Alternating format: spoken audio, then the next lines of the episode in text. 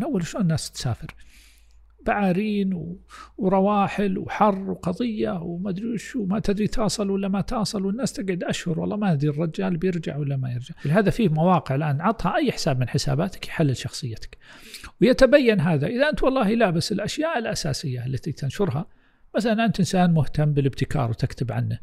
ما ما حيقدر يحل شخصيتك. لكني أنشر نكتة أنشر والله آه، شيء من تصويري آه، أنشر آه، رحت المعرض الكتاب وهذه الكتب اللي اشتريتها. إذا أنت الاحداث اليومية كلها. أيوه. م. الآن خلاص هو يستطيع حل شخصيتك. وبشكل مخيف يعني. يوتيوب يقول لك الفكرة أنهم كانوا بيسوون حفلة ويبغون يشاركونها شو اسمه مع أصدقائهم. فما في ما أيام يوتيوب ما في شيء تقدر تبث video streaming يعني.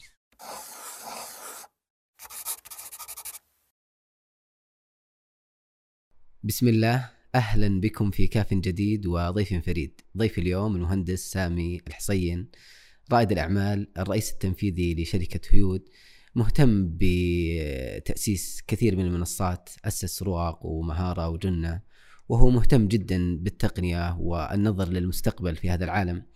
وحلقتنا اليوم ستدور حول هذا العالم الذي وصل إلى ثورة عالية جدا واستطاع أن يصل إلى البيوت والجوالات وإلى كل أنحاء العالم نريد أن نعرف إيش أثر هذا هذه هذه التقنية على الثقافة والحضارة على التواصل بين الناس على الجانب النفسي على الإنسانية اللي موجودة يعني موضوعات مهمة حقيقة نحتاج إننا نتناقشها ونعرف أثر هذه التقنية وكيف نتعامل معها ونستطيع أننا نتعامل معها ايجابيا ونبعد المخاطر والجوانب السلبية فيها.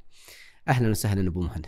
الله يحييك ويبارك فيك. يا مرحبا. الله يحييك. يعني لقاء حقيقة بعد تواصل طويل وأنا يعني جدا حالم في هذا اللقاء. فأسأل الله أن يبارك وأن يجعل اللقاء ظنك الله يجزاك خير. جزاك الله خير.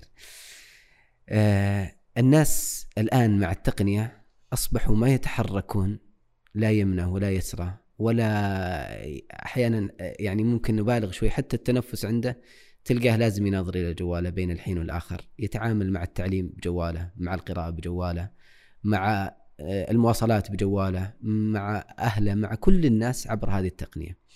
هذه الثورة حقيقة نحتاج إن نعرف إلى أين ستصل إلى أي مدى؟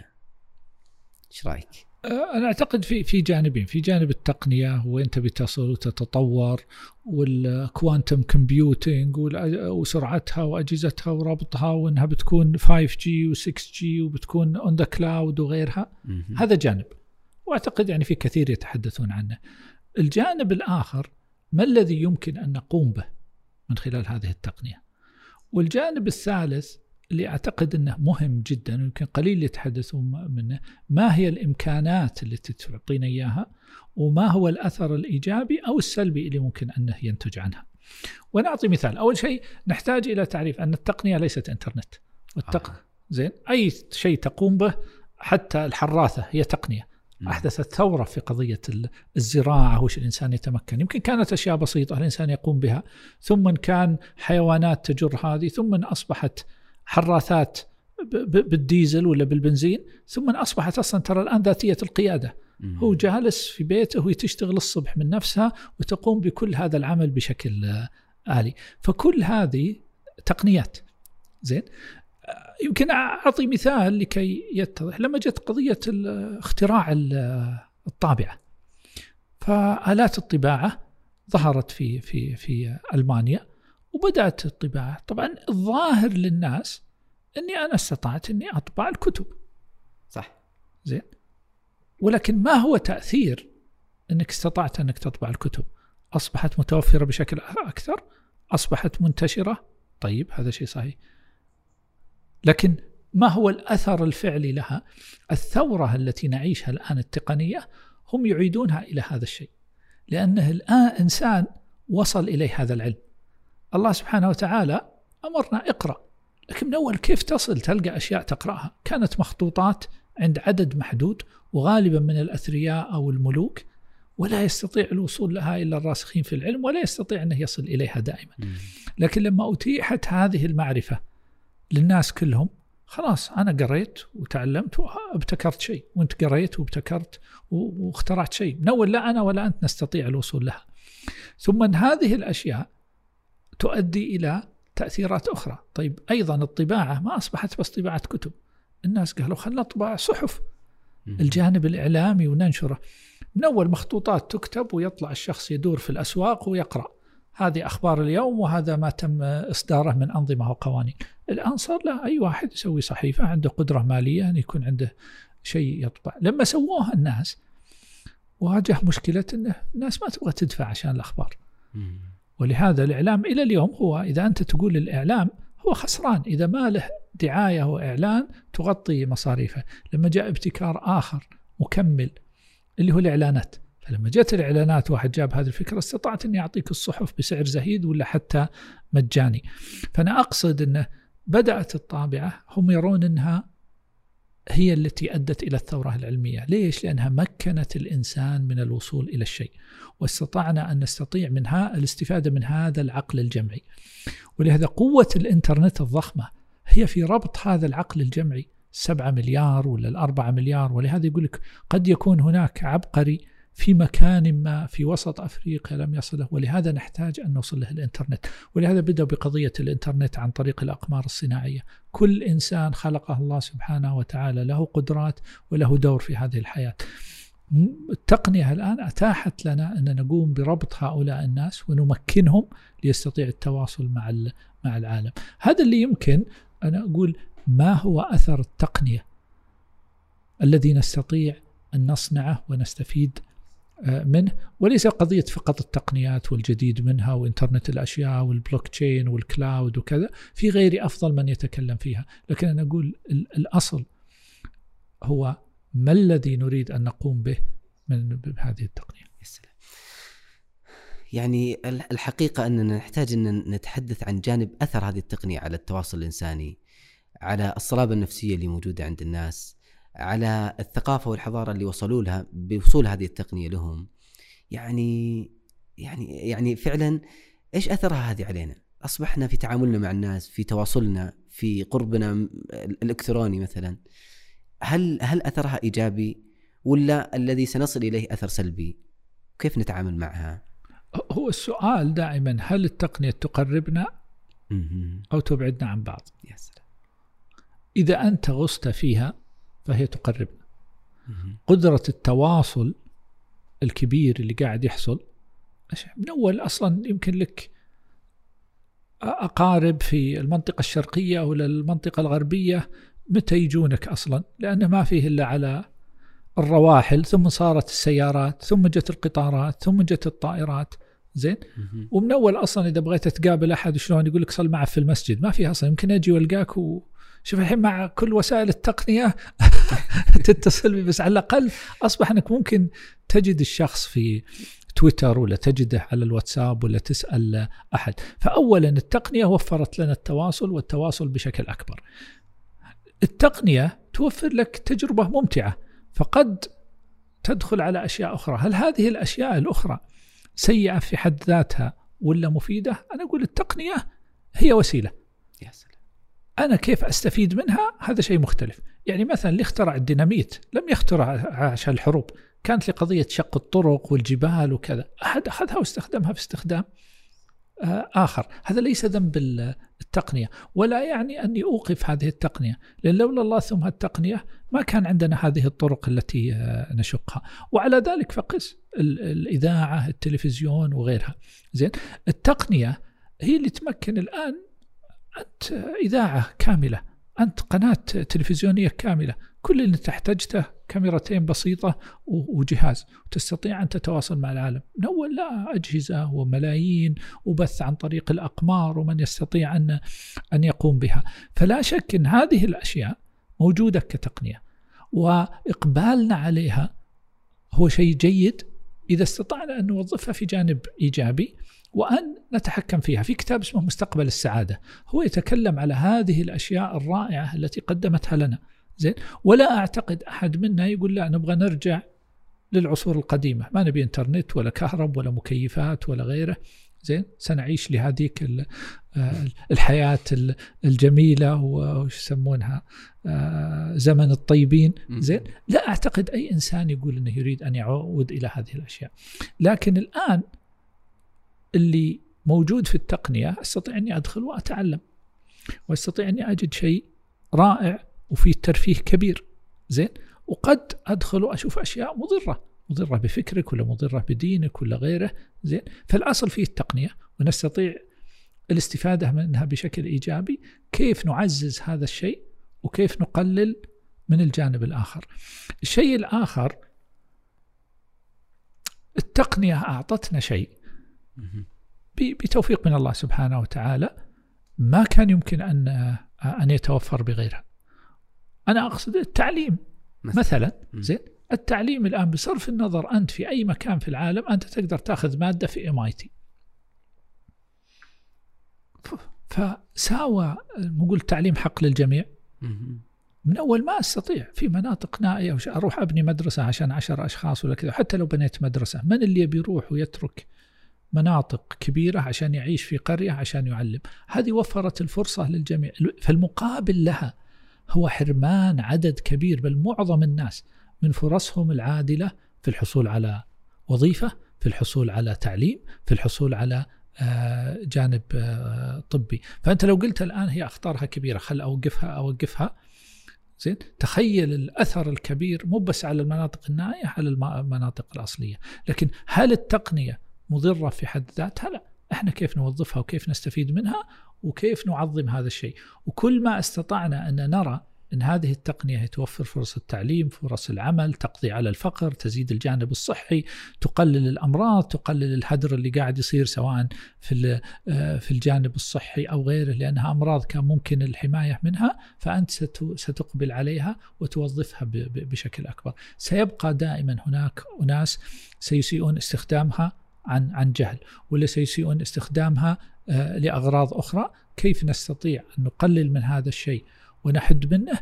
لكن واقع الحياة إلى أن نلقى الله سبحانه وتعالى سيبقى هذا الصراع بين الخير أو الشر أنا اللي أخشى ما أخشاه شيئين. أولا أن لا ندرك قيمة هذه النعمة التي لدينا والقدرات اللي, اللي فيها. زين؟ يعني أنت الآن لما تجي وتقول أنا بسوي آه، موقع تعليمي. تقول لا والله ترى أنا بس بعلم الناس اللي في الرياض. أنت ما استفدت من التقنية هذه. زين؟ فأنت تهدر جهدك ووقتك ولا تستفيد من هذه الميزة الكبيرة التي آه، منحت لك. صحيح. يعني يعني الآن مثلا على جانب وجود الكتب كنا نسولف عنها. الآن الكتب الآن تستطيع أن تصل إلى أي كتاب موجود؟ تستطيع أنك تصل إليه سواء إلكترونيا أو ورقيا. لكن هل هذا أثر على الثقافة الموجودة عندنا هل أصبحت هل أصبح الناس مثقف مثقفين آه التعليم أصبح متاح منصات التعليم رواق وغيرها مثلا يستطيع الواحد إنه يدخل ويأخذ أي دورة في أي مجال ومع ذلك كم نسبة الإقبال عليها؟ وين المشكلة عند الناس في هذا؟ هل في مشكلة؟ يعني آه أنت تتكلم الآن على أن نعيش عصر آه البيانات والبيانات نفط المستقبل وتحليل البيانات هو أكثر تخصص مطلوب الآن. يعني يقول لك عالميا مطلوب فوق ال 150 ألف ناس. ميزة التقنية أنك لو تخصصت في هذا تقدر تقدم خدمتك لأي مكان في العالم لأن في منصات العمل عن بعد وأنا أحتاجك لتحليل بياناتي. ما أحتاج أنك تكون موجود عندي ولا غيره. جيد. فنجي الآن هذه الناس 62% من اللي تخا يعني تدربوا على هذا الشيء هم في منصات إلكترونية. لأن أصلا هذا النوع من العلم توه الجامعات الآن بدأت تقدمه.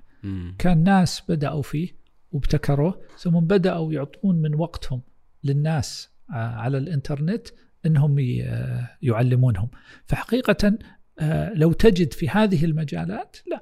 يمكن ما كان يمكن أن نصل إلى هذا الشيء على الأقل بهذه السرعة. يعني إحنا في النصل بالنهاية. لكن هل أستطيع أني أصلها في سنة أو ثلاث سنوات أو أقعد من أول يقول لك أي تغير يحتاج إلى جيل كامل 40 سنة. ثم قالوا 30 ثم 20 ثم الان غالبا من ثلاث إلى خمس سنوات لأي شيء عشان يبدأ ثم يصبح هو الأساس ثم يبدأ يضمحل ويخرج شيء آخر آه، مكانه. في على الجانب النفسي يعني تأثير التقنية على الجانب النفسي ممكن ناخذ فيه. يعني الآن صار في علم مثلا زي علم النفس السبراني أو يعني صار تدرس النفسيات علم النفس وأثرها على الناس في التقنية وكيف يتعاملوا مع أصبح مثلا في جيل هش نفسيا يتأثر بكل ما يطرح ينساق لكل ما يقال. فيعني إيش أثرها فعلا وكيف نستطيع أن ندفعها نفسيا؟ أنا أتذكر يوم صارت آه، يعني غالبا ال ال الإعلام يبحث عن الجوانب آه، اللي فيها أحداث. ليبرزها.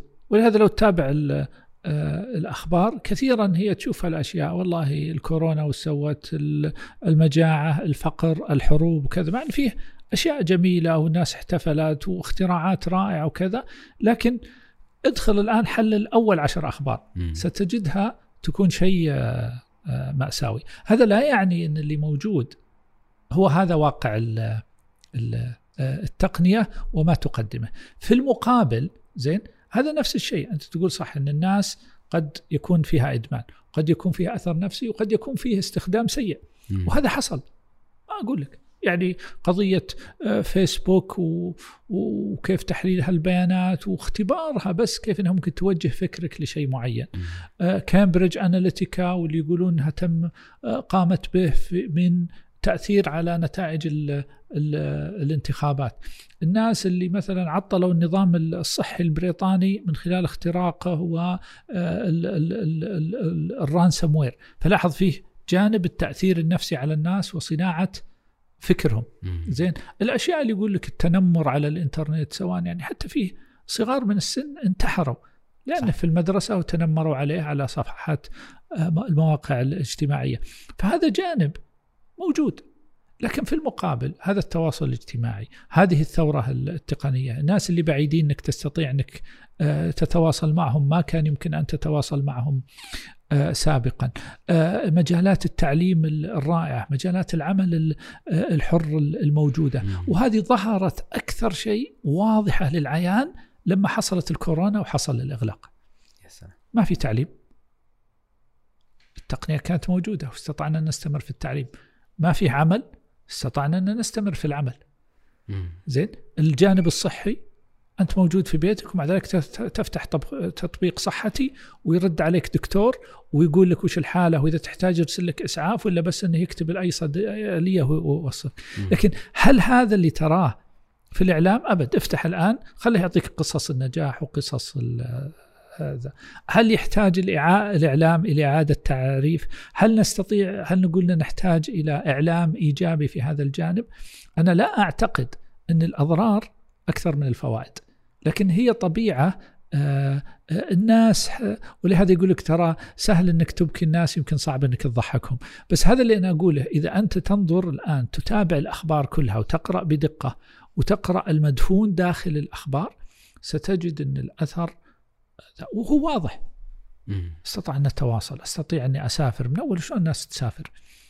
بعارين ورواحل وحر وقضية وما أدري وش وما تدري تصل ولا ما تصل والناس تقعد أشهر. والله ما أدري الرجال بيرجع ولا ما يرجع. مم. كل هذه أصبحت آه، موجودة. فالأكيد أن التقنية أثرها كبير وأكيد أن معظمه إيجابي. في التركيز على الجانب السلبي. طيب هل معناته أن أقول ما في جانب سلبي؟ لا.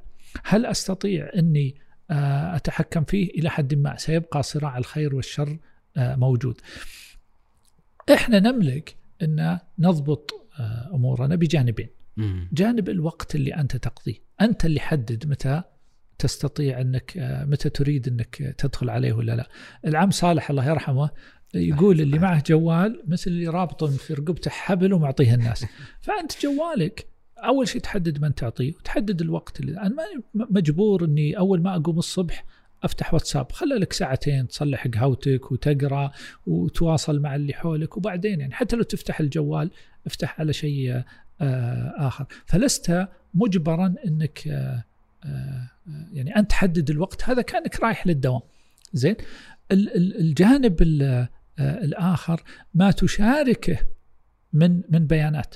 ولهذا مثلا قدرة شركات زي كامبريدج أناليتيكا وغيرها لو أن الناس ما شاركت كل صغيرة وكبيرة ما عرف شخصيتك أساس يقدر يحللها عشان يقدر يوجهك. ولهذا فيه مواقع الآن عطها أي حساب من حساباتك يحلل شخصيتك. ويتبين هذا إذا أنت والله لابس الأشياء الأساسية التي تنشرها مثلا أنت إنسان مهتم بالابتكار وتكتب عنه. ما ما حيقدر يحل شخصيتك. لكني أنشر نكتة أنشر والله شيء من تصويري أنشر رحت المعرض الكتاب وهذه الكتب اللي اشتريتها. إذا أنت نشر... اليومية كلها. أيوه. م. الآن خلاص هو يستطيع حل شخصيتك. وبشكل مخيف يعني. فأنا أقصد إنها جانبين. أنت تتحكم في الوقت. متى تفتحها ومتى تعمل. ما هو بالناس اللي اللي يحددون لك هذا الشيء. افترض إنها مي موجودة يا أخي. افترض إن الإنترنت تعطلت. ترى ما حتنهار الدنيا ولا ولا يصير شيء. وكم صارت من وقت انقطعت الإنترنت ولا انقطع واتساب ولا يوتيوب وكذا وما لا انهارت الدنيا ولا سوق الأسهم ولا ولا ولا وصار أي شيء. بل على العكس طلعنا وانبسطنا. وذاك اليوم كان آه، يعني اكتشفنا إنه ممكن نصنع علاقات أخرى. الشيء الثاني والمهم يا أخي أشيائك الخاصة شاركها لما تلتقي بالناس اللي تحبهم. زين؟ أنا أقول ترى ترى حتى على واتساب حتى لو ما هي بالعامة صح. واتساب يتبع شركة والشركة قاعدة تحلل هذا الشيء. ولهذا يقول لك هم المستقبل هي منصة. زين؟ فلما أرسل لك صورة مثلا الآن لمكة ولا المدينة ولا البرشلونة ترى بيرسل وش رايكم أحجز لكم رحلة هناك؟ يقول لك حتى بين الزوجين هو هم حاطين تاريخ زواجهم.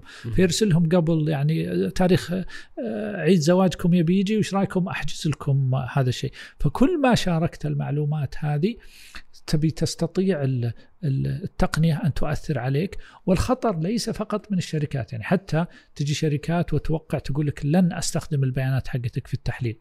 لكن هذه البيانات في سيرفراتهم. والاختراقات بشكل يومي. زين؟ فحتى لو هو لن يسيء استخدامها سيأتي من يسرقها ويسيء استخدامها. يا سلام يا سلام. يعني الناس ينظرون للتقنية والإنترنت يعني ما بين واحد حالم يقول نحن سنصل إلى 2050 إلى إنترنت الأشياء والذكاء الاصطناعي وسننتقل إلى عالم آخر وآخر يقول لا يا أخي ترى قد يكون في يوم وليلة ينقطع كيبل ينقطع كل التواصل مع العالم. يخترق برنامج من البرامج أو مجموعة من وسائل التواصل ينتهي كل شيء. الموازنة بين هذه وهذه يعني بين ناس حالمين وبين ناس لا متشائمين. يعني أنا أنا أعتقد هي جانبين. زين؟ الجانب الأول القلقين.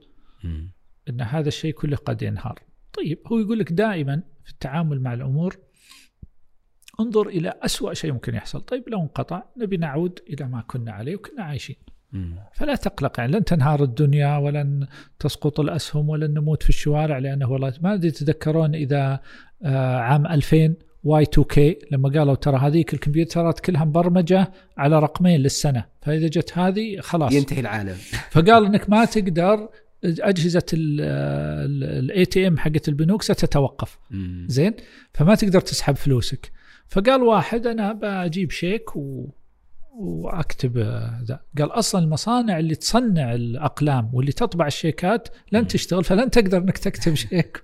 هذا اللي أقول لك التشاؤم ذا. لكن جت Y 2 K وتجاوزناها وراحت فالفكرة ان هذه التقنيات عشان ما نقلق حتى لو توقفت نستطيع ان نعيش. صح. لكن طيب هذه تقنية موجودة الآن. هل أنا أقعد آه، شو اسمه آه، انتظرها تنتهي أنتظرها تنتهي؟ وقد لا تنتهي. زين؟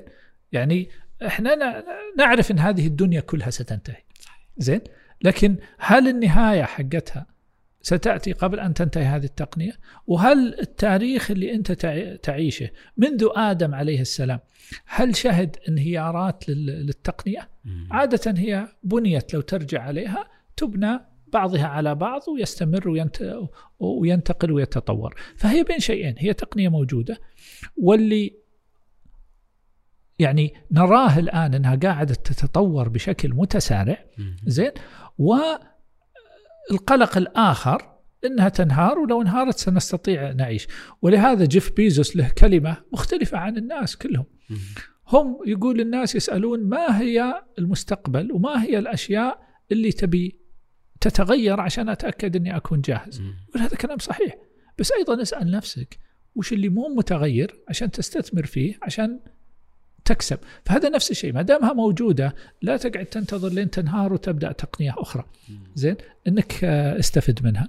إذا تنظر للتقنية والبدائل وال cloud وأنواع ال connectivity المختلفة فالظاهر إن فيه عدد كثير من من البدائل اللي آه، توفر لها. في حديث يمكن كان سابقا موجود إن اللي يتحكم في في هذه التقنية هي دولة معينة. مم. وهذه الدولة المعينة لو أوقفت السيرفرات اللي عندها ذا طبعا نتيجة لبعض الأحداث اللي صارت لا. كل الآن الاتحاد الأوروبي بنى له بنية خاصة فيه آه، روسيا بنت ب- بنية خاصة الصين وكذا. فأصبح الآن الممكن أن دولة ما تعزل نفسها عن العالم لكنها لا تستطيع آه، أنها توقف ال- الإنترنت في العالم. فهذا يمكن كان تخوف أقرب للواقع من أن هذه آه، التقنية كلها ممكن أنها, أنها تنهار في لحظة.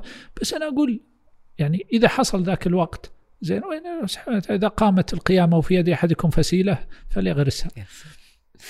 وأظن هذا جزء يعني سينقلنا من التأثر إلى التأثير. كنا ننظر إننا نستخدم هذه التقنية ونؤثر في الناس وهذا جانب نحتاج إنه فعلا ليش ما نصل إلى التأثير؟ لماذا فقط نحن متأثرين بما يطرح في التقنية والإنترنت؟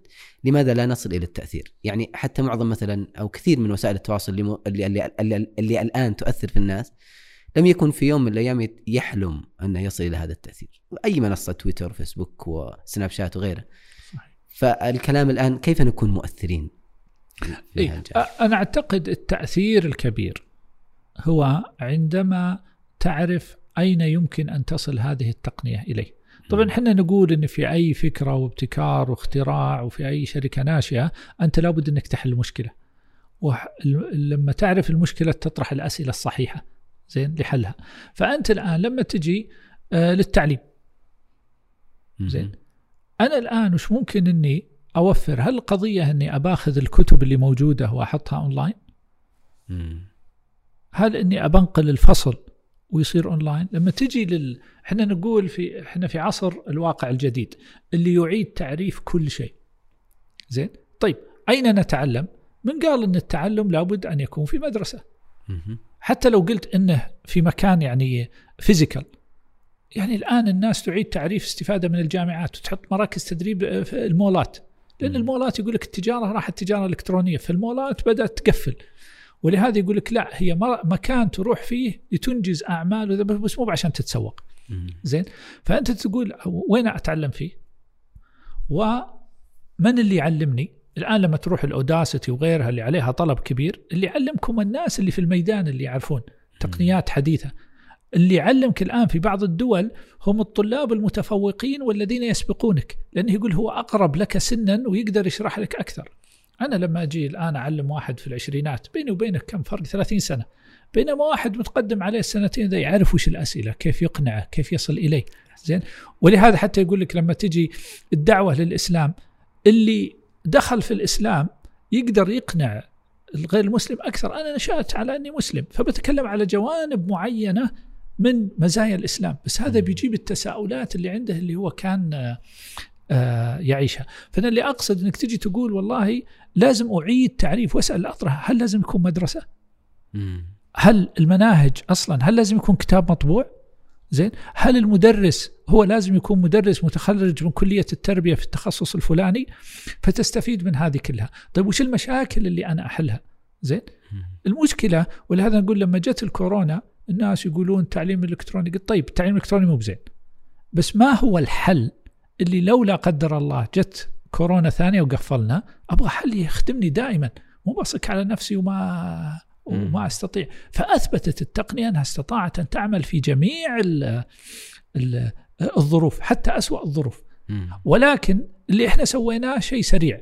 نقلنا الكتب والمعلمين لكن هل لو طورت الآن نظام متكامل حتى لو صار حجر ثاني هو أصلا يعمل بدون الحاجة للخروج وده نفس الشيء العمل. إحنا نتكلم على فرص العمل. طب الناس لما تقفلت الآن الآن يا أخي أنت الآن ممكن تستطيع أن تعمل في أي مكان في العالم. مم. أنا أسجل في أب وورك زين دخله السنوي 8 مليار. أقدر أقدم أي خدمة. ولا أحتاج إني رخصة من أحد ولا أحتاج شهادة. أنا أقول إني أنا آه، مصمم ولا أنا مبرمج ولا كذا. وهو يعطيني العمل وأنا أنفذه. ثمانية مليار الدخل السنوي لهم. زين؟ وبعدين أعمل مع من؟ أعمل مع اي مكان. أنا أوظف الآن أدخل على هالمنصات وأحط شيء.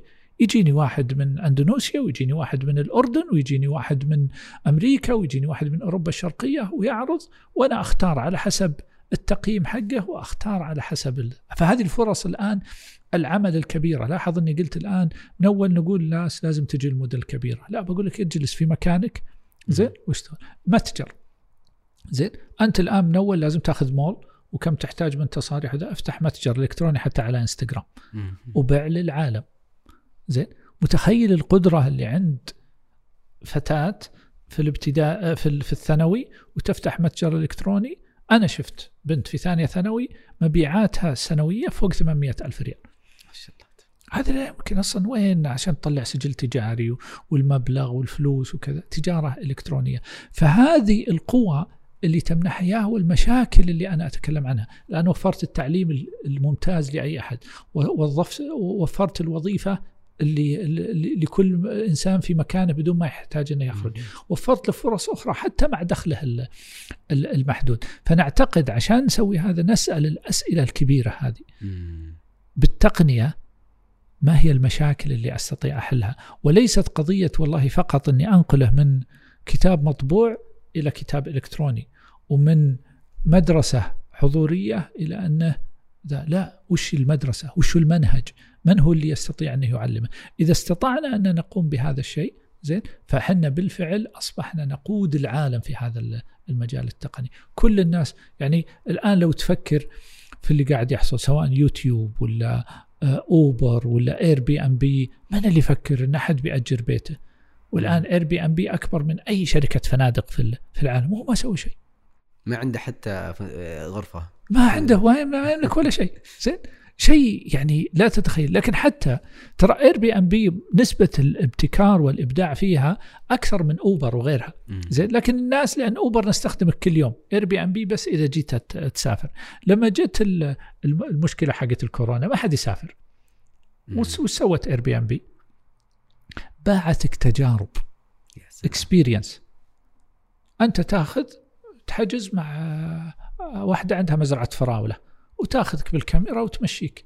طبعا من أول أنت تدفع مئات وآلاف عشان تروح وتسافر وتصل إلى المكان وبعدين تاخذ اوبر عشان تصل هالمزرعة الان دفعك 10 دولار عشان تمشيك في هذا الشيء. أتذكر أسرة في المغرب خذ آه، experience كيف تسوي آه، طبخ مغربي. هو عندهم مطبخ بس الآن مغلق ولا يجيهم سياح. طيب نعلمكم طبخ مغربي. لاحظت كيف الابتكار وإنه لأن التقنية عنده ولان عنده ملايين الناس جاء قال كيف ممكن أستمر في اني اوفر لهؤلاء مصدر دخل وأوفر لهؤلاء؟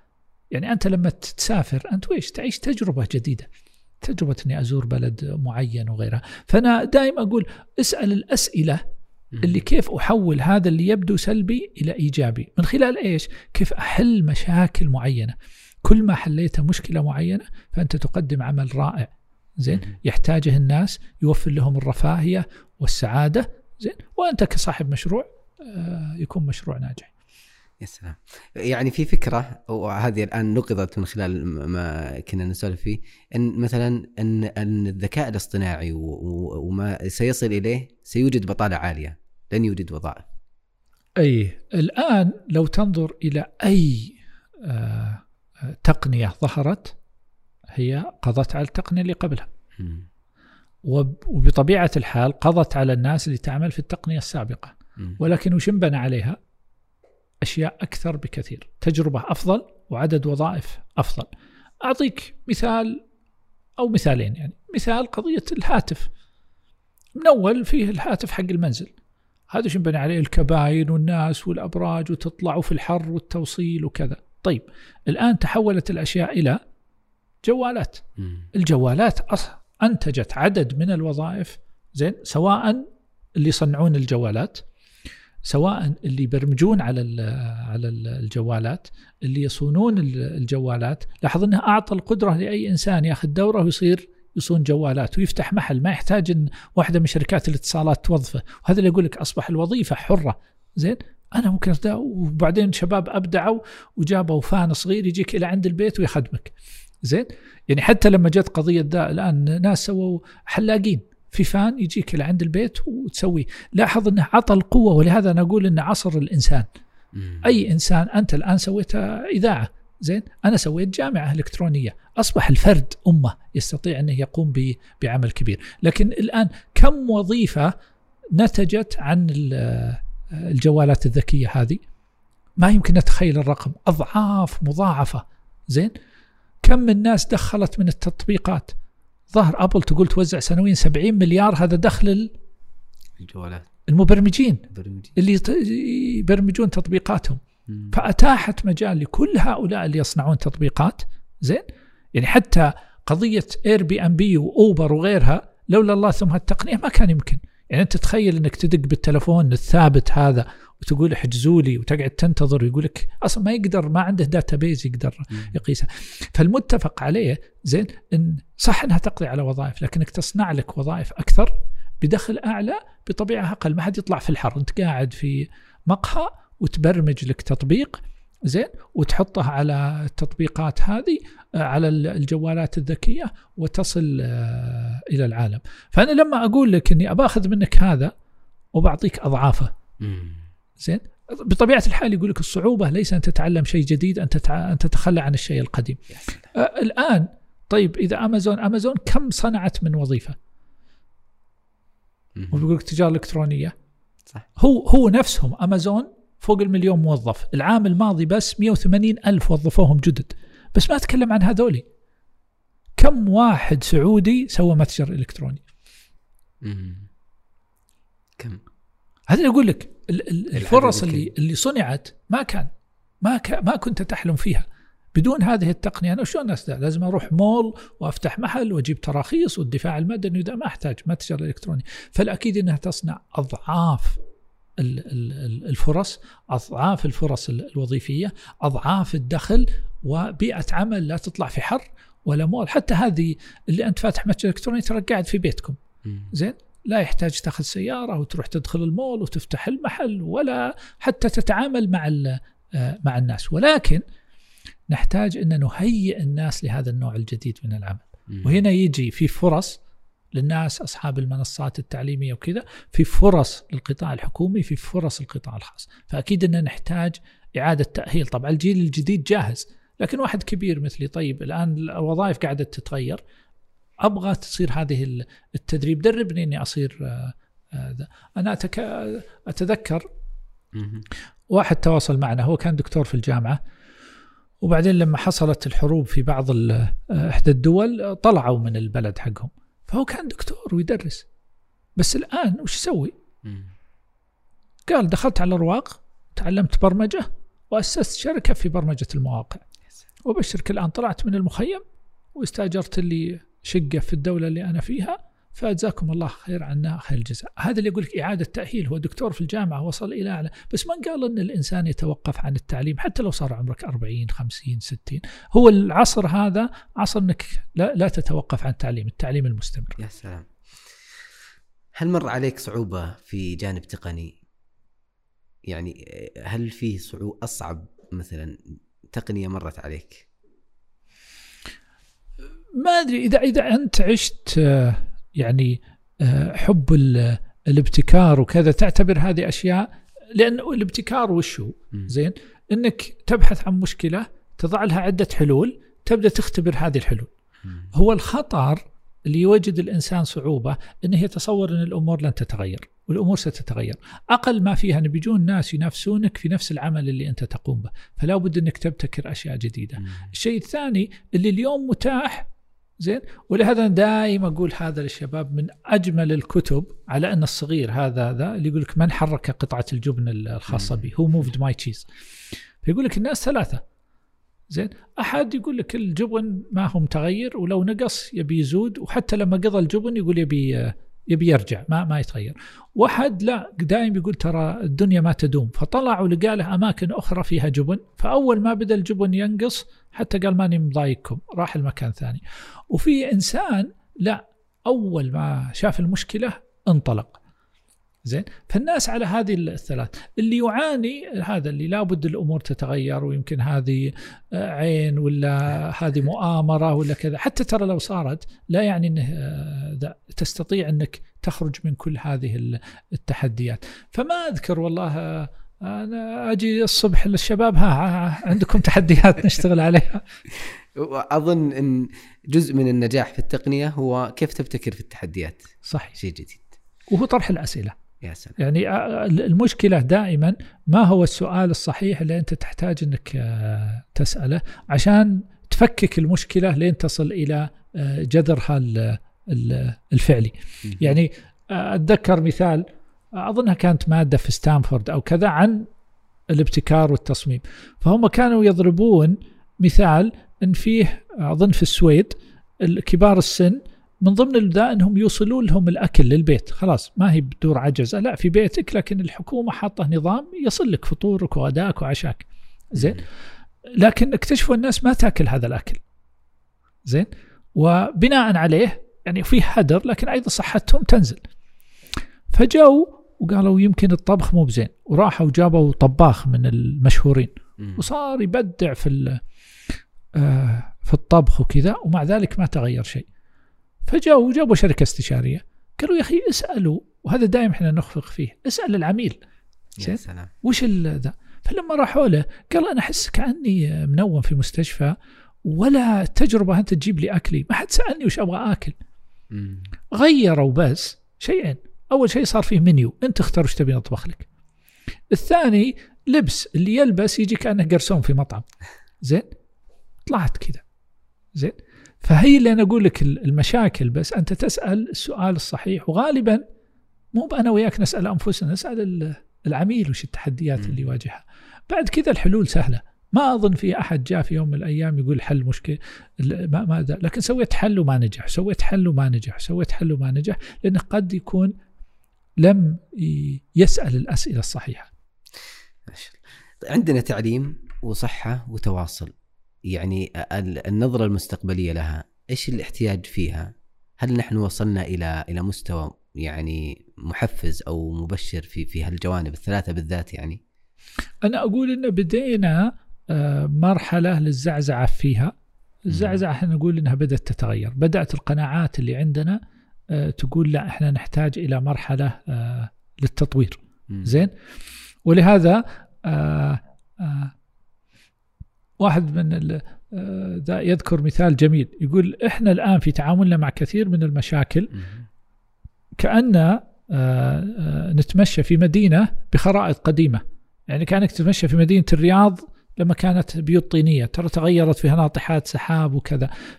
الحالية آه، تحتاج إلى تغير. بدأنا نلمس هذه ال- القناعات وقد يكون جزء منها طبعا ال- التطور التقني لكن المرحلة اللي مرت في الناس بال- بالكورونا قالت ترى ما ال- ال- الحلول اللي عندكم غير آه، آه، غير كافية.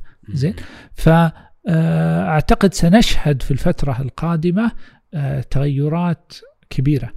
المشكلة في الوقت الحالي في أشياء كان متوقعا لا تقدمها إلا بناء على المكان الجغرافي. زين؟ يعني إن التعليم خلاص التعليم إذا ما أحد يقدم لك في مدينتك ما المشكلة لا الآن أي أحد ممكن إنه يقدم لك هذا الشيء ومن خلال الإنترنت تدخل عليه. ففي هالحالة في سوق كبير سيخرج منك زين؟ لكن أيضا صناعة الفكر والرأي والولاء ستكون ليست تحت يديك إذا ما استطعت أنك تقدم هذا الشيء. لكن الآن من اللي يمنع أن إحنا نكون نقدم الجانب التعليم بدل ما نبتعث الناس أن الناس تبتعث لتتعلم عندنا. حتى ترى حاجز اللغة بدأ يزول مع قضية الترجمة الآلية. ما هي ممتازة مرة بس أنا أقول لك أنها سنوات بسيطة وتصبح الترجمة جدا آه، دقيقة. أنا أقول أن كثير من الأشياء آه، هي جرأة في اتخاذ القرارات والعمل عليها أكثر من نقص المعرفة.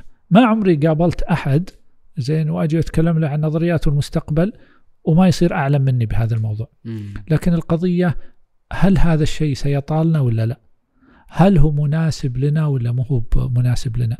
هل سيحصل خلال سنة وسنتين ولا تراه لا توه بدري فخلنا نركز على اللي حنا فيه لكن بعد خمس سنوات إن شاء الله نبي نطبق هذا الشيء. أنا أعتقد إن هنا ال- ال- الخطورة ليس نقص المعرفة ولكن إما الخوف من السعي فيها أو اعتقاد إنها لن تحدث بشكل قريب والتسارع الحالي مخيف جدا. وهذا جزء يعني من المخاطر اللي بتعيقنا عن التقدم. كيف اسيطر على خوفي في, في التقنية؟ المشكلة ان هذه نحتاج إلى نشر هذه الثقافة ومهما آه، كانت التقنيات متقدمة آه، النجاح هو في الإنسان. فأنت تبي تحتاج وكل ميسر لما خلق له. في أحد عنده رؤية مستقبلية. زين؟ فهذا هو اللي لازم يضع لك الرؤية. وفي أحد اللي بيحول لك هذه الرؤية إلى إمكانية للتطبيق. وجزء من إمكانية التطبيق يعرف إنها مرحلية وإنها تجربة تعدل وأنت تعمل فيها وأنك متقبل للإخفاق. وفي فريق تنفيذي. أفضل من صاحب الرؤية وأفضل من صاحب الاستراتيجية في في التنفيذ فإذا وجدت هؤلاء الثلاثة كان فيه النجاح إذا فيه أحد صاحب رؤى فهي أفكار ما ما لن لن يعني تنزل على الأرض ولن تنبت ربيعا ولا ولا خيرا. وإذا وجد أحد صاحب استراتيجية لكن ما في أحد ينفذ خطط رائعة وأرقام وتقدر تجمعها وتشوفها ولا أفضل منها كعروض تقدمها. زين؟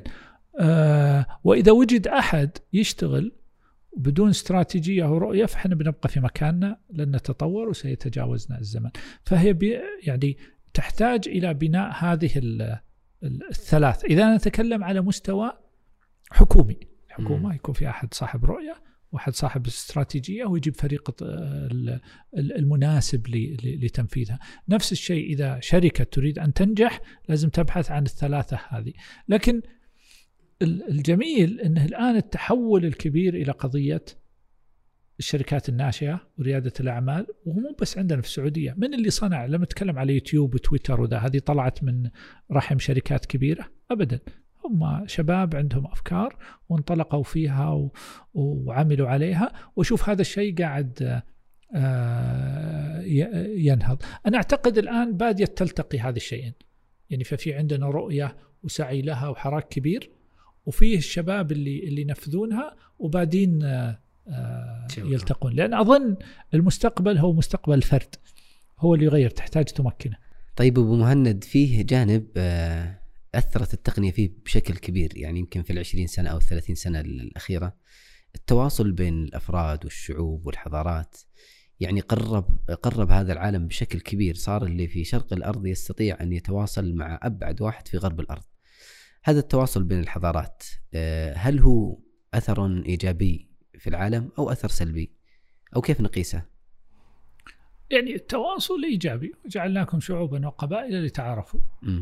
الآن عندما تتواصل مع هذا الإنسان قد تؤثر فيه أو يؤثر فيك أو لا يؤثر أحد في الآخر. وهذا هو المعيار. يعني والتأثير ليس سيئا. إذا أحد عنده معرفة وعلم وأنا استفدت منها فتأثيره فيني كان شيء إيجابي. ولهذا يعني توارد الحضارات وكذا. مثلا يقول لك أوروبا كانت تعيش في العصور المظلمة ثم بدأوا يترجمون النتاج المعرفي الإسلامي ثم يعني أصبحوا هم الآن يقودون العالم في هذا. فالتواصل آه، آه، ميزة كبيرة وتسهيله وتبادله آه، شيء رائع جدا. نبدأ هل أتلقى منه الشيء المفيد؟ هذا أول شيء. أو أتلقى الشيء الغير مفيد؟ وهذا شيء سيء. بعد ما أتلقى الشيء المفيد هل أبني عليه وأنا أنتج شيء وأصنع حضارتي وأصير أسابق العالم في في هذه النهضة آه، الرقمية التقنية. إذا هذا آه، شيء رائع جدا. وبالفعل أخذت مبادئ وفرص وطورت عليها. فالتواصل لا شك أنه مطلب. وجعلناكم شعوبا وقبائل لتعارفوا وهو لا شك أنه الإنسان فرصة مثل ما ذكرنا في البداية أن أي شيء هو يعني وسيلة التواصل. لكن ما الذي أتلقاه؟ وما الذي آه، أقوم به فيما آه، أتلقاه؟ هنا هذا السؤال اللي نحتاج أن يعني نبحث فيه؟ ولهذا نقول أن نبحث عن الفرص ونشوف وش أبعاد هذه آه، الفرص. كان التواصل قديما قائم على التواصل الواقعي. يقابلون بعض يسافر يتاجر في تواصل. هل في فرق بين التواصل الواقعي والافتراضي؟ هل بيصير في أثر يعني؟ طبعا التواصل بدأ ظهر بالحمام الزاجل يعني. هذا يمكن أول الاختراعات في في التواصل. وبعدين الناس طورت كل هذه ال- ال- الوسائل.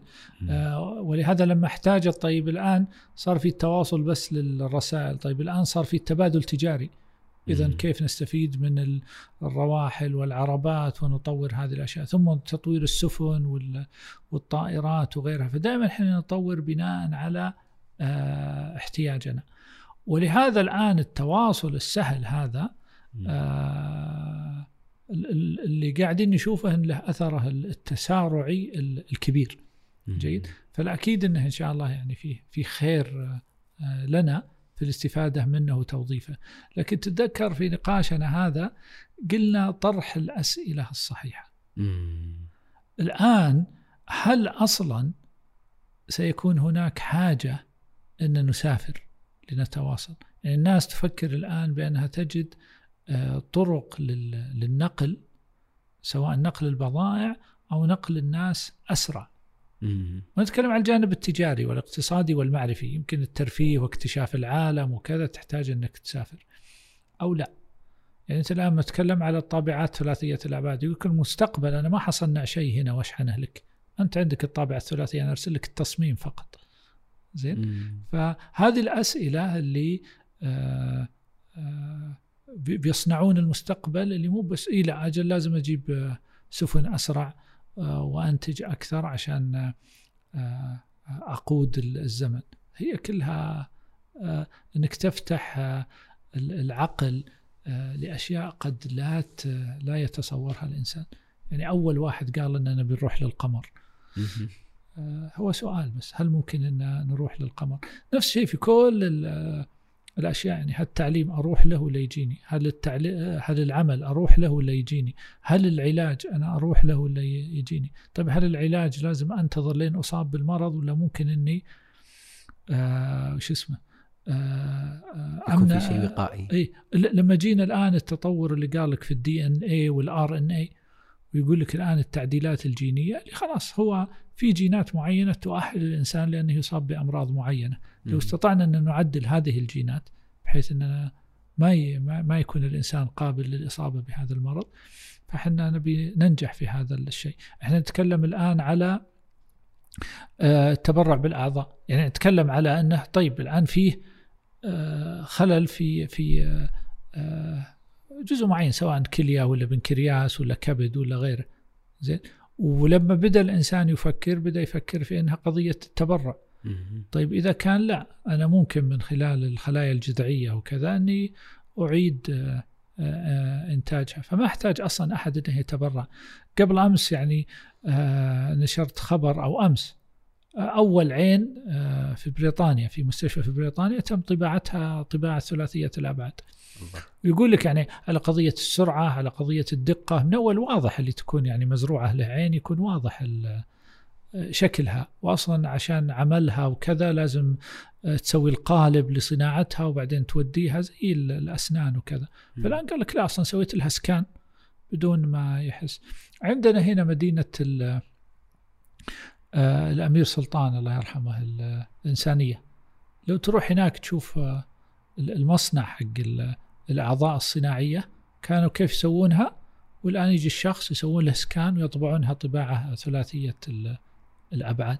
يا سلام. فشفت كيف ال آه، ال- الأسئلة اللي تقول إن هل بالفعل آه، أنا أستطيع أن أقوم بهذا الشيء بطريقة مختلفة؟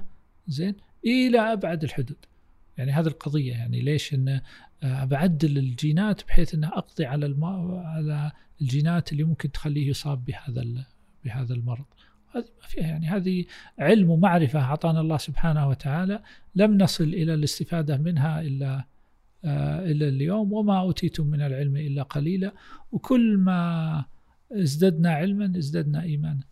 يا سلام ولذلك هذا يعني يمكن الفائدة ال- ال- القصوى أو العظمى في في التواصل الحضاري إن العلم فعلا يتطور يعني لما كانت الحضارة الإسلامية أيام الأندلس وكانت تجمع الحضارات فاصبحت تصل إلى مراحل في العلم متقدمة جدا صحيح وهذا الذي سيجعلنا نصل إلى التقدم.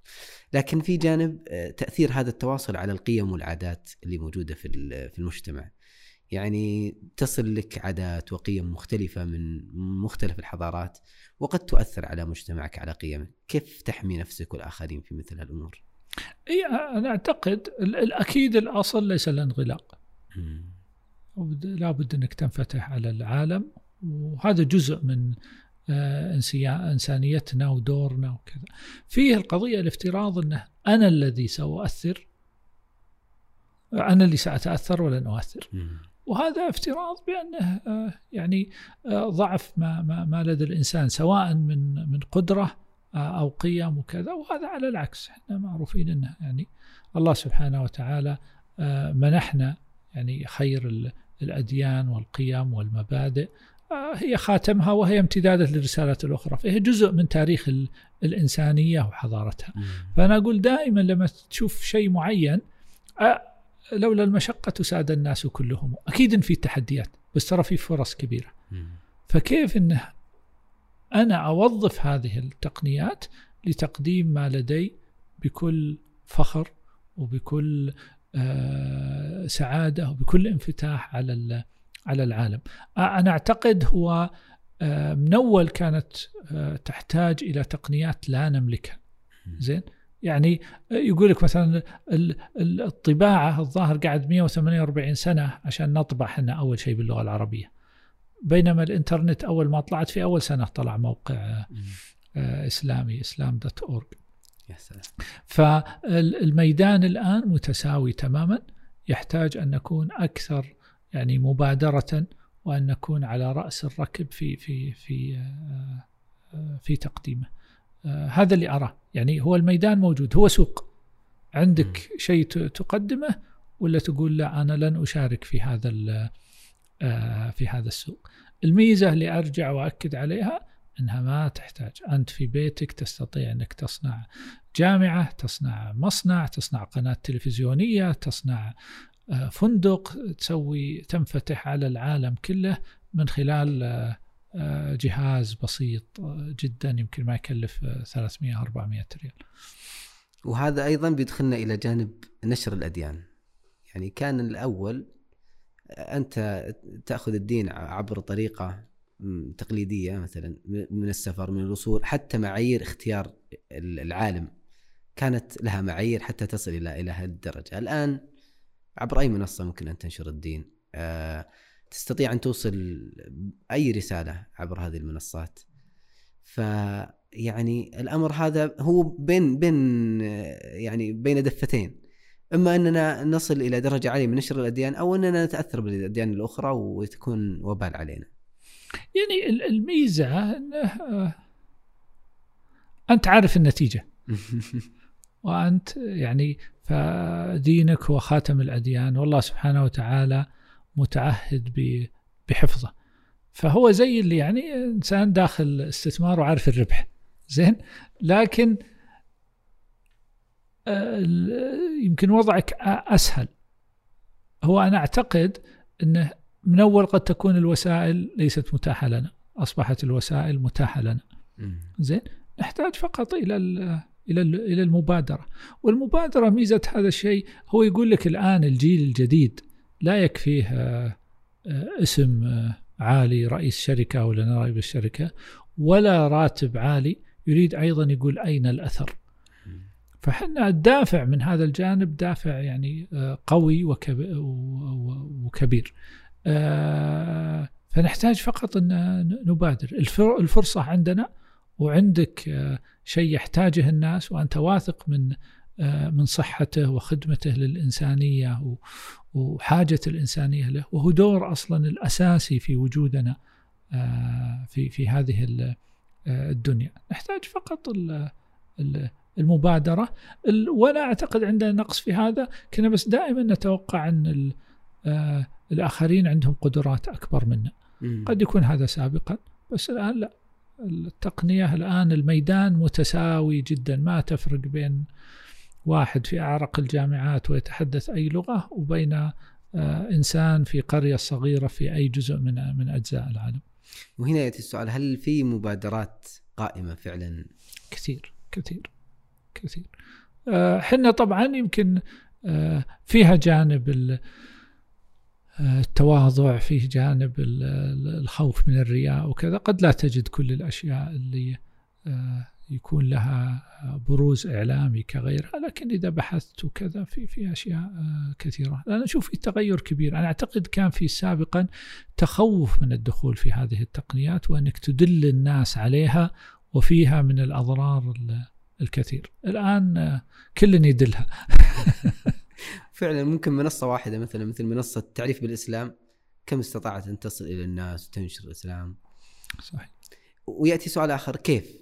أحيانا يقول كيف أخدم هذا يعني يعني يتساءل هذا التساؤل هو هو النجاح الكبير الآن نعيش عصر المنصات. اوبرايزنج كل شيء. فأنت إذا استطعت إنك تبني منصة زين وكل إنسان يقدم من خلالها شيئا ما بلغته بلغته وثقافته. أنا أعتقد إن هذا بيكون هو الأثر الكبير. لأن أصلا الناس آه، بتأتي من ثقافات مختلفة. وتتحدث لغات مختلفة. زين هذا جانب. الجانب الثاني أنه يعني تقديم الشيء لا يشترط أن يكون بطريقة واحدة. زين؟ يعني هل هو من خلال دروس؟ الرسول صلى الله عليه وسلم كان خلقه القرآن وإنما بعثت لأتمم مكارم الأخلاق. فحتى لما أنت تقدم موقع آه، للعمل ولا تقدم موقع للتعليم؟ وليس شرط أن التعليم الأديان. والله من هذا اللي خلف هذا؟ ولهذا يقول لك كثير من الأشياء هو التأثر بأخلاق تجار المسلمين. ما, ما هو ما جاي يدعو جاي تاجر بس لما وجد تعامل الناس مع الرسول عليه السلام حتى قبل أن أن أن أن أن يبعث. فحتى تعريف الدعوة هل هي الدعوة هي مباشرة أو بس مجرد أنك خدمة الإنسانية زين أي والله من اللي يقوم بهذه المشاريع اللي تحافظ على على البيئات تحافظ على كرامة الإنسان توفر للتعليم متميز في مناطق لا يستطيعون الوصول للتعليم توفر له فرص آه, آه، وظيفية. هذه في حد ذاتها عمل آه إنساني نبيل جزء من من دورنا في هذه الحياة اللي هو آه عمارة الأرض. فأظن حتى إعادة تعريف بعض الأشياء. يعني ليش ما يكون آه، آه، أمازون مشروع آه، عربي ولا إسلامي؟ أنا أقصد إنه ما هو يعني العرب يعملون عليه بس إنه شاب عربي قام بهذا العمل كذا. هذا أنا أعتقد إنه عمل دعوي رائع. وفر فرص وظيفية خدم الإنسانية وهذا جزء من من من دورنا. فقد يكون إعادة فقط الطرح. يعني ما الذي نستطيع أن نقدمه من مشاريع راعدة ورائدة زين؟ يعني الأندلس إحنا نذكرها الويش تقدمها العلمي. ما كان يقول لك ان فيها أفضل آه، جامعات الدعوة إلى الدين. كانت جامعات علمية يعني. آه، طيب آه، في في جانب خدمة المشاريع أو المنصات هل هل أنا أبنيها على حاجتي أو حاجة المجتمع؟ أو تخصصي. يعني مثلا مثل ما كنا نقول مثلا فيسبوك شركة إعلامية لا ليس عندها محتوى إعلامي. جوجل شركة إعلانية لا, لا تملك لوحة إعلانات. وكذا اوبر لا يملك سيارة. يعني يأتي التساؤل هل هل أنا أبني مشروعي أو منصتي على احتياج أو على تخصص أو خبرة؟ أه الشيئين. أول شيء أنت لازم تحل مشكلة.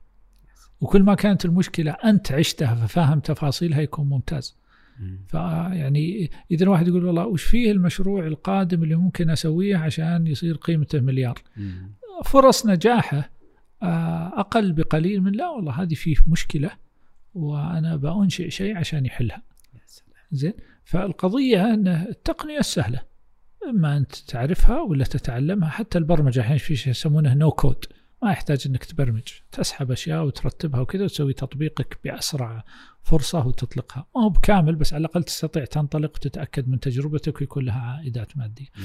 بعدين تستطيع إنك تستثمر المبرمجين موجودين في كل مكان إنهم يسوونها. وأنا قاعد أتكلم على التطبيقات وكذا إنها سهلة في متناول. ده أكيد فيه يعني نهضات علمية وكذا أشياء وتخصصية وكبيرة ولها علمائها بس هذه لها أهلها ولها جهات معينة آه تدعمها. ف آه، الفكرة إذا بحثت دائما عن مشكلة لأن هذا أكيد أن الناس تبي تجي لأنك حل مشكلة معينة.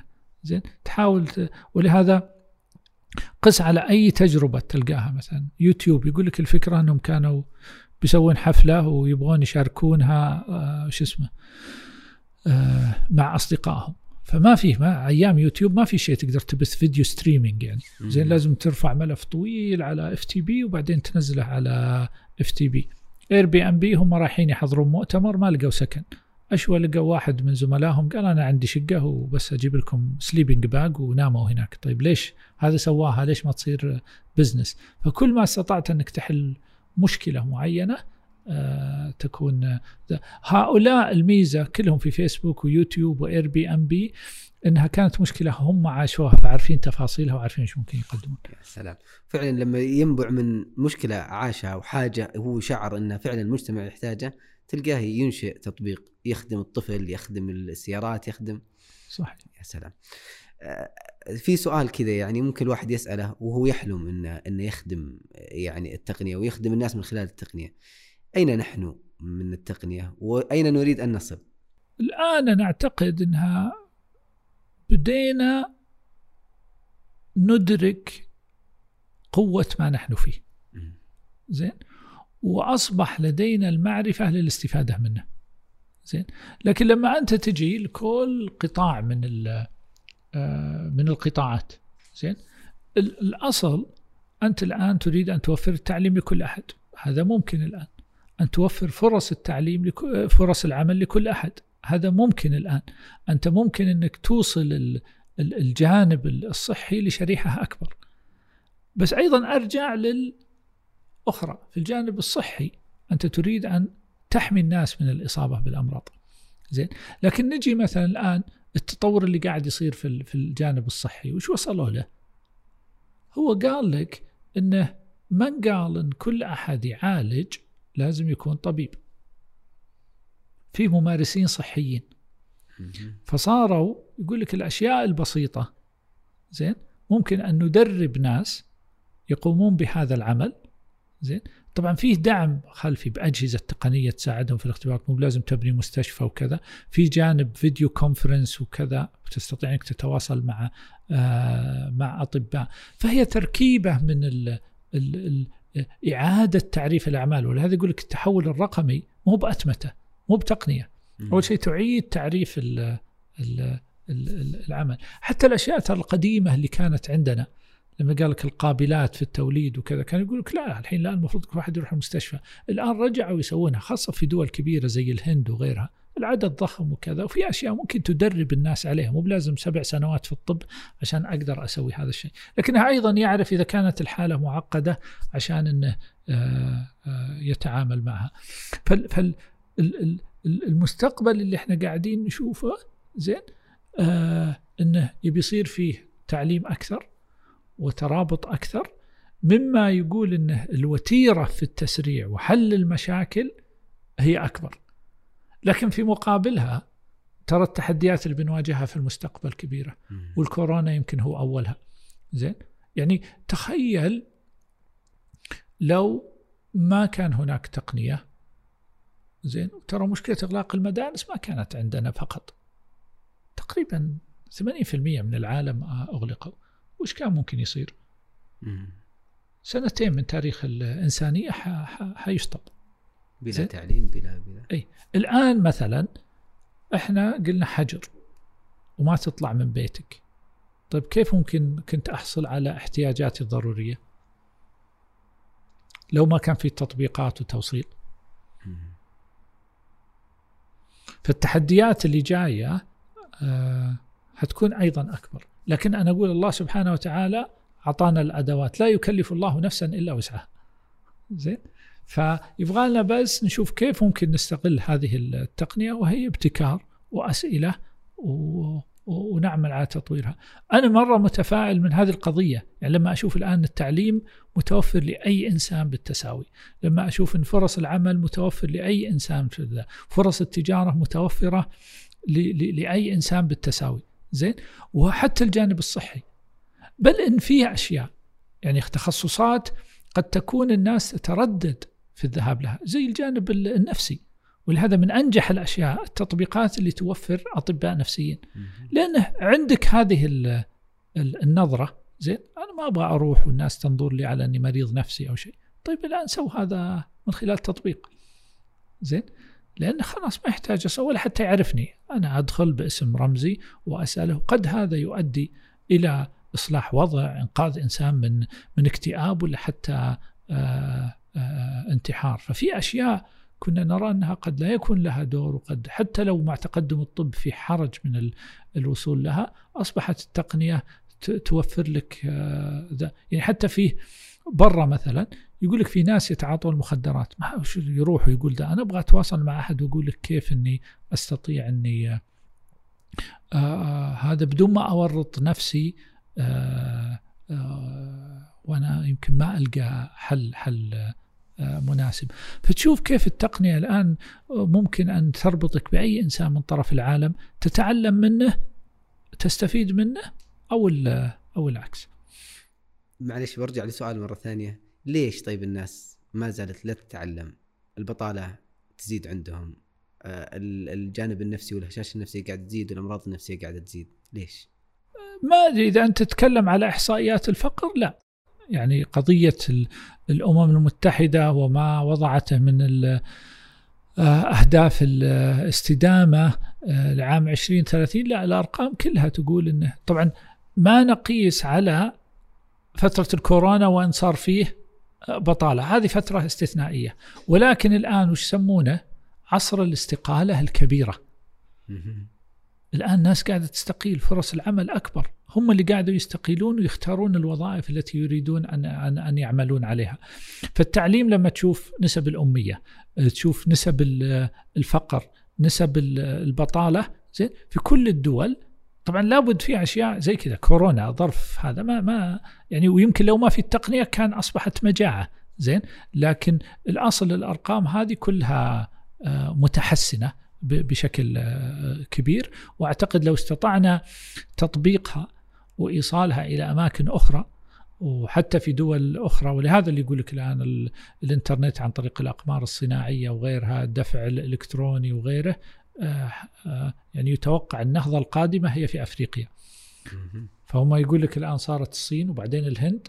الدولة الثالثة القادمة للنهضة هي آه، أفريقيا عموما يقول لك التغير أنه أصبح عندهم تقنية و كونكتيفيتي ومن خلالها يستطيع إنه يدخل ويتعلم من أي مكان حتى ما هو محكوم بالمستوى التعليم المتوفر في المكان اللي عنده.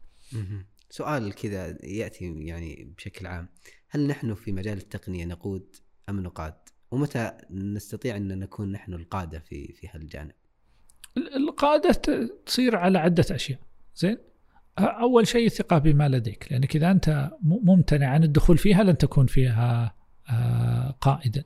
الثاني تلمس احتياجات الناس. ليس القضية أنا وش أريد أقدم لك، أنت وش تحتاج. زين؟ ثم المبادرة وأخيرا ترى تبي تفشل وتقوم وتفشل وتقوم إلى أن تصل آه، آه، إليها. أنا أشوف إنه كان سابقا والحمد لله آه، زال هذه القضية يعني ما أريد أن أن أدخل هذا الشيء إما لعدم ثقة فيه ولا لأن الأخطار اللي فيه كثيرة وكذا.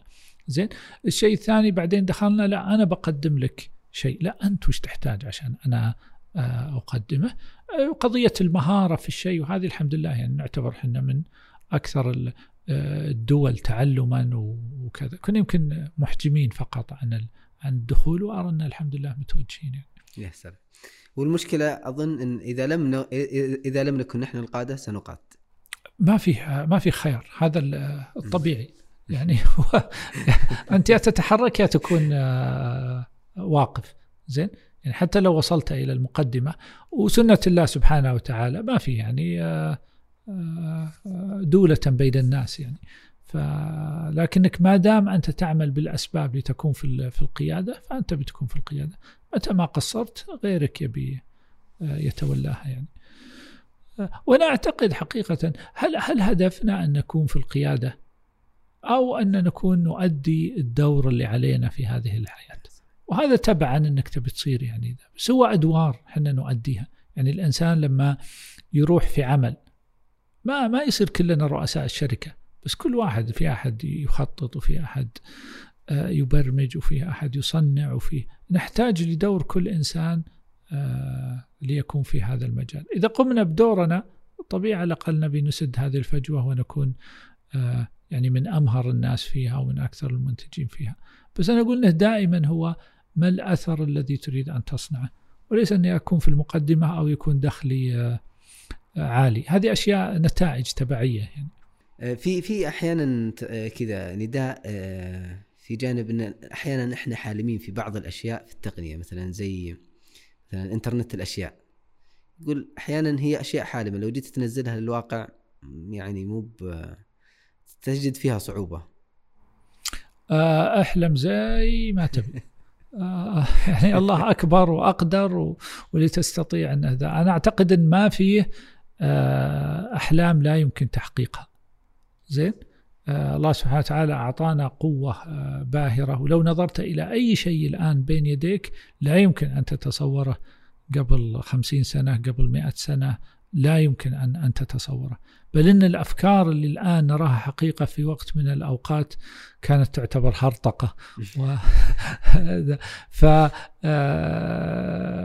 آه، أبد. ما ما هي قضية هل ممكن أن يتحقق في سنة؟ في ثلاث سنوات في خمس سنوات. طبعا تكلم على أفكار أنك تريد أن آه، تخرج بشيء آه، له فائدة آه، ويخدم الإنسانية وكذا.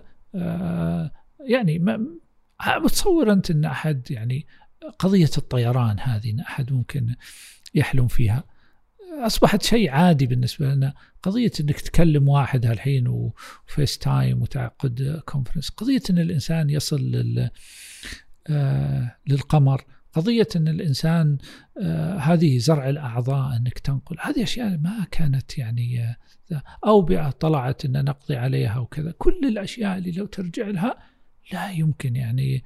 إذا أنت جالس في هدوء وتشوف كل الأشياء اللي إحنا نعيشها الآن أصبحت مسلمات بالنسبة لنا.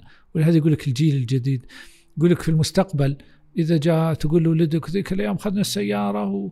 وسقت السيارة رحت الشرقية. قال ليش تسوقها؟ السيارة بتسوق نفسها. يعني الجيل اللي بعد 20 30 سنة ما يتصور أصلا ليش تسوق السيارة؟ هي تسوق نفسها. ف آه، أنا أقول احلم زي ما تبي وترى اللي بيتحقق أضعاف ما تحلم فيه. هي قضية بس تقول والله إي ترى السيارة بتقود نفسها بكرة. لا يمكن يبي لها سنة سنتين ثلاث سنوات. وعادي ممكن تجرب وما تنجح عادي وممكن تنجح. اي بس إنه أنا أقصد إنه الحلم في أشياء معينة آه، يعني ترى الكمبيوتر صمم قبل ما يصنع بسبعين سنة. بس ما كانت القطع موجودة وجاهزة. بيل جيتس لما صمم بيته حط تقنيات قال لي أنا عارف ذا بس في الوقت اللي خلاص أصير آه، في المراحل الأخيرة التقنيات تبي تصير آه، موجودة. ودائما يقول لك يعني حتى مثلا يقول لك المعالجات وسرعتها يقول ترى بعد ثلاث سنوات نبي نصل هالسرعة. ما هو بالآن موجود ولا يدري شلون بس يعرف إنه بتطور التقنية السرعات هذه تبي تبي تصل لها. هو ال هو الشيء اللي قدامنا اللي نسعى إليه. أنت لما تقول إني ابى أسوي هذا الشيء ولا هذه التقنية ولا كذا آه هو اللي بتعمل عليه آه أنت وغيرك عشان نصل له.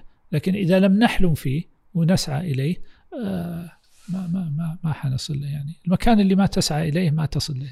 هو على شتى على شتى العلوم يعني. حتى مثلا في الجانب العلوم الشرعية بعض الأشياء آه، طرحها العلماء كافتراض افتراضيات مي موجودة بس افترضها افتراضا وأوجد لها حكما. فكانت فعلا بعد بعد ذلك استفاد منها الناس كحكم شرعي. صحيح.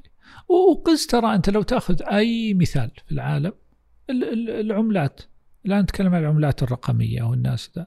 طيب من أول شلون كانوا الناس؟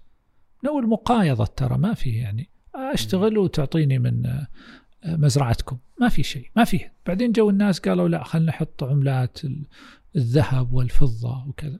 بعدين قالوا لا ليش ذهب وفضة؟ خلاص هذه حطوها في البنوك وأطبعوا آه، أوراق. يعني أصلا ما كان في عملة. طيب الآن لما أقول لك إنها عملة رقمية ليش ما تصدقني؟ ما كان في عملة. طيب الآن شلون قاعد التغير؟ هذا يقول لك ال disruption. الآن اليوم أو أمس الاتحاد الأوروبي يشرعها وش اللي بيسوي؟ بيربطها بالعملات يعني إنها تصير كذا. لفترة زي ما ربط العملة بالذهب وبعدين ألغي ما عاد فيه الآن شيء تحط ذهب مقابل له بس خلاص هي اتفاقيات. ف آه اللي أقول لك ال- الأفكار وذا. في البداية تقول لا لا يمكن. يعني وش اللي؟ عملة رقمية بس. خلاص العملة الرقمية أصبحت واقع والدول آه تتبناها. السؤال ماذا سيعني هذا. للناس والإنسانية؟ وكيف يبي يخدمهم؟ وكيف بيسرع التبادل التجاري؟ وكيف بيخلي حياتهم أحسن؟ وكيف بيوفر لهم ال- الرفاهية؟ كيف يحمي من التحايل؟ كل هذه الأشياء آه، آه، هي الأسئلة الصحيحة. يعني ليش أجي أقول والله العملة الرقمية فيها مشكلة؟ التعليم الإلكتروني فيها مشكلة؟ لا طيب كيف أحل المشكلة حقته؟ وأبحث هل لو حصل هذا الشيء وحليت مشاكله بالفعل سيحسن آه، آه، خدمة الإنسانية ورفاهيتها. والسؤال لو أنا ما سويته وهو قاعد يصير ما الذي سيحصل لي أنا من تأخر؟ وماذا الذي سيحصل لل... للإنسان اللي يطوره؟ يعني لو أصبحت هذه العملة الرقمية متعارف عليها وأنا بديت أحاربها هي اللي تبي تقود العالم. وبيصير حتى آه، الناس اللي حولك يستخدمونها. بينما لا خلي أنا أصير أول واحد يصير وم- ومعت- ومعترف فيها. وعلى ذلك فقس يعني التعليم الإلكتروني غيره العمل منصات العمل الحر وغيرها. أتوقع جزء من توجه المستقبل في في جانب رفاهية العيش. يعني صار الناس يبحثون عن الرفاهيه في كل شيء. في بيته في غرفته في سيارته في عمله. يعني توجه الناس إلى رفاهية العيش يعني ستكون كبيرة. صحيح مع التعريف وش الرفاهية. مم. والتعريف يعني المستقبل. يعني أنت الآن آه، أتذكر واحد قابلته كان يقول إحنا وصلنا إلى مرحلة يستطيع أن كل إنسان يجلس في بيته والدولة تصرف عليه. زين؟ لكن هل إحنا وصلنا إلى القناعة لهذا الشيء؟ وش المقصد بالقناعة؟ أنا ممكن أصرف لك سيارة مرسيدس ولا بي إم دبليو كل مم. هل هذا يكفي؟ لا وش تحتاج؟ يحتاج إلى تعليم إلى لا نتكلم على سيارات سيارات إيه. لا تكفيني أنا. أكيد تكفيني كثير لكن في حد ثاني يقول لك لا ليش سيارة واحدة. زين وأبغى سيارة أطلع فيها البر وأبغى SUV وكذا فيقول لك وصلنا إلى ما يسد احتياج الناس دون حاجتهم إلى العمل لكن ما وصلنا إلى أن نسد أطماعهم احتياجهم إلى أشياء أخرى. يرونها رفاهية ويراها غيرها أنها آه، أشياء آه، زائدة عن ال- الحاجة. يا سلام. آه نبغى كذا رسالة للناس يعني لمستقبلها إيه، سواء في على جانب الأفراد على جانب المؤسسات على جانب الشعوب عموما.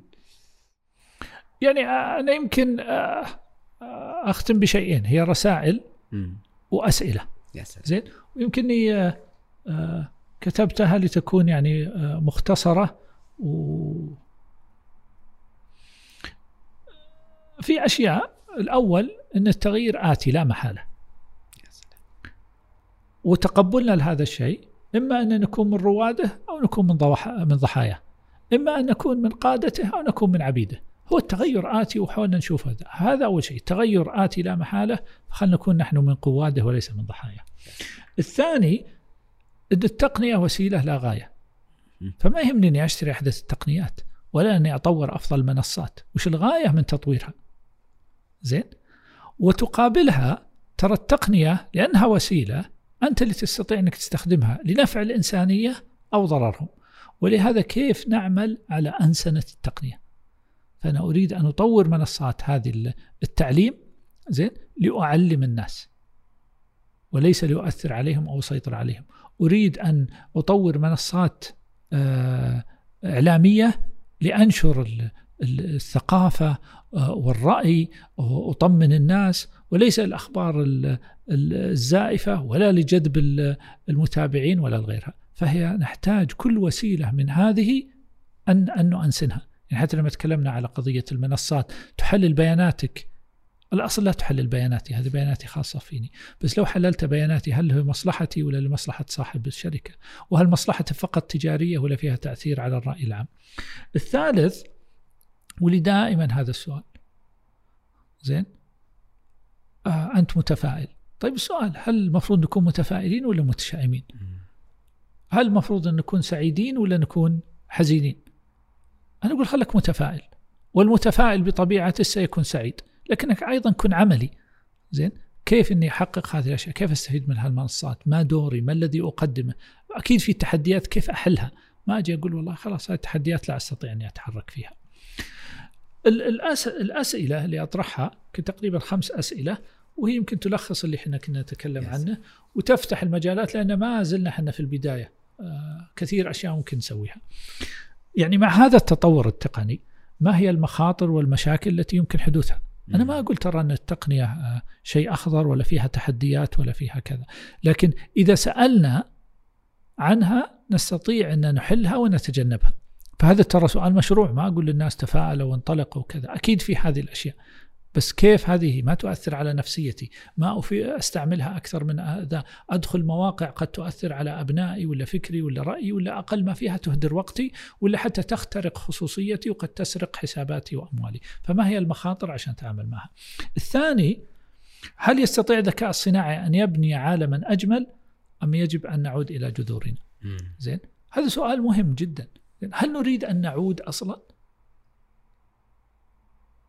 إحنا قطعنا الآن ومرحلة رفاهية نعيشها. هل برجع للقرون الوسطى وأرجع بدون إنترنت وكهرب ولا كذا.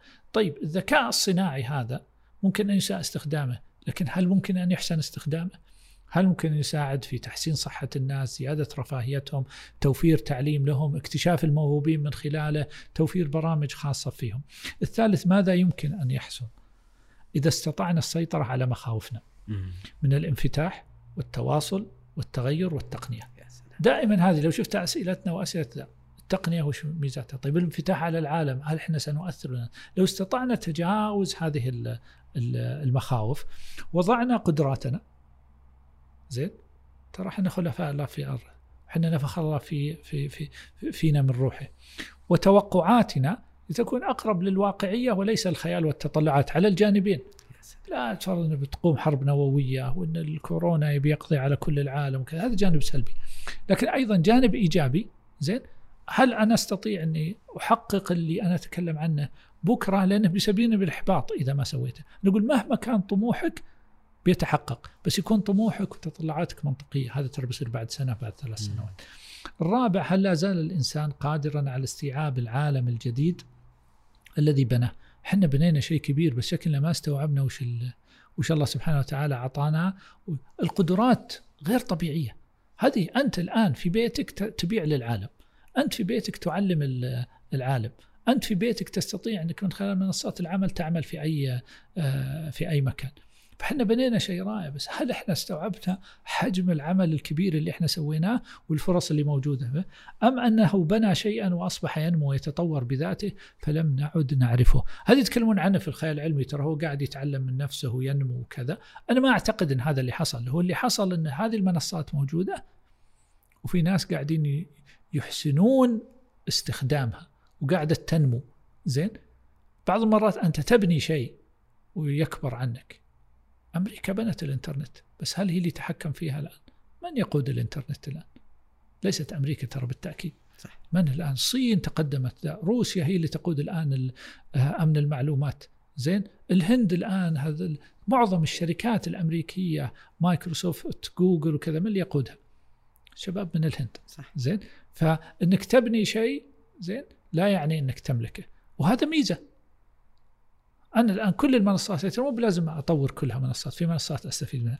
الخامس هل الخط الفاصل بين الواقعي والافتراضي ما زال واضحا؟ ترى الآن هذا اللي إحنا نعيشه زين؟ عندنا أشياء نلبسها.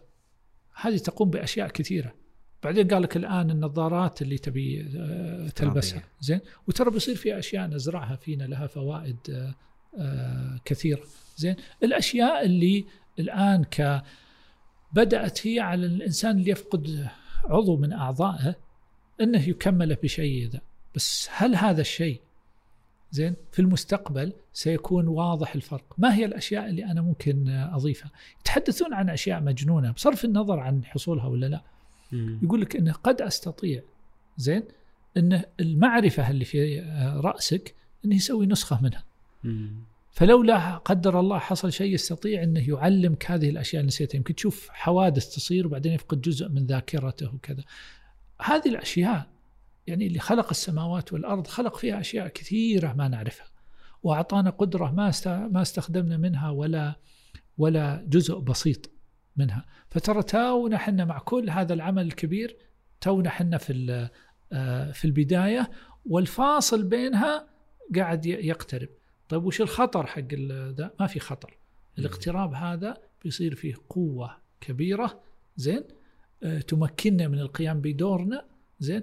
ولكنها لن تجعل لنا عذرا في ان ما نؤمن بالله سبحانه وتعالى اللي خلقها كلها. يا سلام. الله يجزاك خير وياك الله يبارك يقولون من طول الغيبات جاب الغنائم جزاك خير جزاك الله خير. فعلا مستمتعين ويعني إحنا نحتاج مثل هالكلام. في جانب التقنية والمستقبل. شكرا لك. شكرا لدعوتك ولكرمكم جميعا. الله يبارك الله خير. أيضا شكرا لكم أيها المستمعين والمستمعات مشاهدين مشاهدات. نلقاكم في كاف جديد. السلام عليكم ورحمة الله وبركاته.